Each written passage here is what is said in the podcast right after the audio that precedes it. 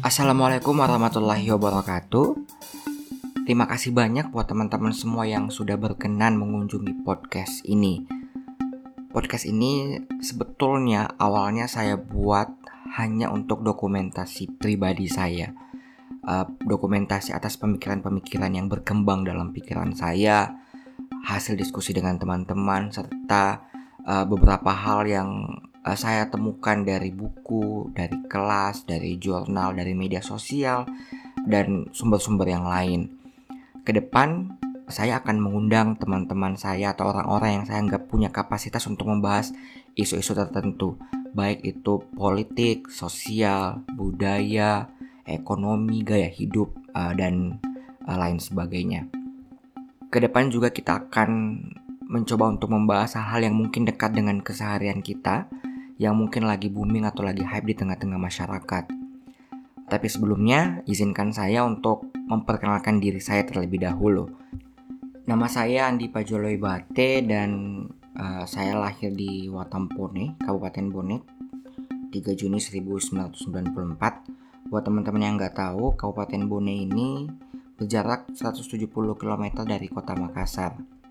Saya adalah anak ketiga dari enam bersaudara dari pasangan Dr. Andi Malanti MSI dan Ibu Andi Nur Erni SPD. Kedua orang tua saya adalah uh, pegawai negeri sipil atau abdi negara. Dari lahir hingga SMA saya habiskan di uh, Kabupaten Bone SD saya di SD Negeri 22 JPE, lalu kemudian masuk ke SMP Negeri 4 Watampone, dan sempat menjabat sebagai ketua OSIS selama dua periode waktu itu. Lalu kemudian masuk ke SMA Negeri 2 Watampone dan juga sempat menjadi ketua OSIS di uh, eh, SMA tersebut. Kemudian seperti kegalauan anak-anak hari ini, waktu itu juga kami galau, kami dilema, kami uh, penuh dengan perjuangan ya untuk masuk ke kampus negeri, kampus yang menjadi cita-cita kita sejak lama. Pada saat itu saya mendapatkan begitu banyak penolakan dari kampus-kampus SBMPTN waktu itu seleksi bersama perguruan tinggi negeri gagal. Juga SNMPTN undangan waktu itu uh, jalur uh, non tes ya itu juga gagal. Kemudian ikut uh, mencoba peruntungan mendapatkan beasiswa dari kampus-kampus swasta uh, baik dalam maupun luar negeri juga gagal dan akhirnya saya kemudian berlabuh di Universitas Mercu Buana Jakarta sebagai penerima beasiswa penuh sebagai anak perantauan yang baru pertama kali menginjakan kaki di ibu kota, baru pertama kali meninggalkan kampung halaman untuk mengenyam pendidikan di kota orang, saya waktu itu bisa dikatakan sebagai anak yang agak ambisius. Jadi saya punya tekad untuk menunjukkan bahwa saya adalah anak rantau yang dapat diandalkan. Jadi kecenderungannya di semester-semester awal perkuliahan saya agak ambisius. Eh, di setiap pertemuan di kelas uh, saya selalu aktif, kemudian juga cenderung membantai teman-teman ketika mereka berpresentasi dan lambat laun saya menyadari bahwa mungkin uh, yang saya lakukan agak keliru. Meskipun memang pada saat semester 1 saya mendapatkan IP yang sempurna, IP 4. Uh, semester berjalan, kemudian saya menyadari bahwa ada hal-hal yang harusnya saya juga lakukan untuk mengisi masa-masa perkuliahan saya, sehingga saya kemudian aktif di beberapa organisasi dan juga sempat menjadi uh, ketua. Di semester 3 setelah melalui proses seleksi agak ketat waktu itu karena pertama kali Fakultas Ilmu Komunikasi akan memberangkatkan mahasiswanya untuk mengikuti program pertukaran mahasiswa di uh, salah satu kampus di Malaysia yaitu University Science Malaysia.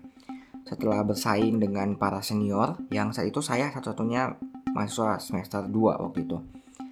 Uh, setelah bersaing kemudian kami uh, saya dan satu senior saya dinyatakan lolos dan kemudian mengikuti program pertukaran mahasiswa satu semester yaitu pada saat saya semester 3 di uh, University Science Malaysia banyak hal yang saya dapetin di Malaysia tentang misalnya persoalan etnis Melayu, India, uh, dan Cina, kemudian budaya yang sepertinya secara kasat mata kita anggap Indonesia dan Malaysia uh, serupa, tapi ternyata di dalamnya sangat amat berbeda. Saya juga belajar bagaimana berinteraksi dengan mahasiswa-mahasiswa internasional, mempelajari kultur mereka, mempelajari cara mereka memperlakukan kita dan cara kita memperlakukan mereka harusnya seperti apa. Dan begitu banyak memori yang mungkin akan saya bahas di bagian-bagian selanjutnya dalam podcast saya. Di semester 4 saya kembali ke Indonesia dan melanjutkan pendidikan saya di Universitas Mercu Buana dan juga melanjutkan uh, kegiatan berorganisasi saya di organisasi yang saya pimpin. Lalu setelah itu muncul pemikiran untuk apa nih yang bisa saya lakukan lagi untuk mengisi masa-masa kuliah saya. Akhirnya saya memutuskan untuk bekerja dan uh, mencari uang. Saya dapat informasi di LinkedIn bahwa Bloomberg Institute Asia Pasifik membutuhkan beberapa mahasiswa di Indonesia untuk menjadi representasi mereka di Indonesia. Saya kemudian mendaftar dan akhirnya terpilih enam orang seluruh Indonesia untuk menjadi Bloomberg Ambassador yang akan mengorganize sebuah tes yang dibuat oleh Bloomberg yang dinamakan Bloomberg Aptitude Test. Pada saat itu di semester 4 ini saya kemudian aktif untuk menjadi uh, pengawas tes di berbagai kampus Indonesia. Jadi saya keliling-keliling ke ITB, Unpad, UPH, dan beberapa kampus-kampus lain. Di Bloomberg ini saya belajar begitu banyak hal yang mungkin akan saya gunakan dalam kehidupan saya selanjutnya. Uh, saya belajar bagaimana uh, menjadi seorang public speaker yang baik, bagaimana melakukan negosiasi-negosiasi sehingga mendapatkan uh, kesepakatan dengan pihak-pihak terkait, lalu kemudian belajar bagaimana memanage sebuah event. Uh, saya bekerja di Bloomberg ini sekitar 2 tahun dan kemudian berhenti karena memang saat itu sudah mau selesai di perkuliahan S1 saya. Singkat cerita saya kemudian lulus di Universitas Mercubuana pada tahun 2016 sebagai wisudawan terbaik tingkat universitas dengan IPK 3,94. Lalu saya bekerja secara remote atau online untuk salah satu perusahaan di Irlandia namanya Lionbridge. Lionbridge ini menangani proyek dari Google untuk mengakses kualitas-kualitas layanan yang dibuat oleh uh, Google Internasional. Saya bekerja secara online dan bekerja hanya di rumah, lalu kemudian setiap bulan mendapatkan review dari kantor pusat dan juga mendapatkan gaji uh, dan juga mendapatkan gaji di akhir bulan. Sembari bekerja, sembari juga saya menyiapkan dokumen-dokumen saya untuk melanjutkan pendidikan saya di jenjang S2 atau master. Saya kemudian mendaftar beasiswa di Lembaga Pengelola Dana Pendidikan pada tahun 2017 dan kemudian dinyatakan lolos sebagai awardee atau penerima beasiswa LPDP. Dan saat ini saya tengah uh, menjalani perkuliahan S2 saya di Universitas Gajah Mada di Fakultas Ilmu Sosial dan Ilmu Politik, program studi S2 Ilmu Komunikasi. Ada yang menarik sebenarnya dari uh, cerita pendidikan saya bahwa saya dari SD hingga S2 ini tidak pernah sama sekali membayar yang namanya tuition fee atau uang pendidikan karena uh, pada saat saya SD itu ada namanya dana bos yang pada saat itu merupakan tahun-tahun awal di mana dana bos ini digalakkan oleh pemerintah. Ketika masuk SMP, dana bos ini ternyata diperpanjang hingga uh, eh, 9 tahun. Jadi pada saat saya SMP, Dana Bos kemudian juga masuk ke uh, sekolah menengah pertama. Ketika saya masuk SMA, ternyata Dana Bos ini lalu menjadi uh, dana untuk pendidikan dasar 12 tahun.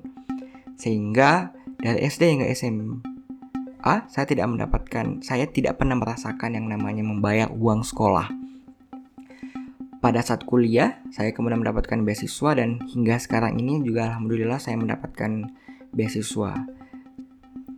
Oke teman-teman, itu saja ringkasan uh, kehidupan saya dari dulu hingga sekarang meskipun memang banyak detail-detail yang uh, luput dan mungkin akan kita bahas di podcast yang akan datang.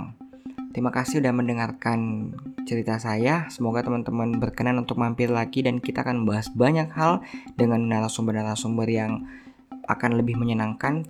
Terima kasih. See you on the next podcast.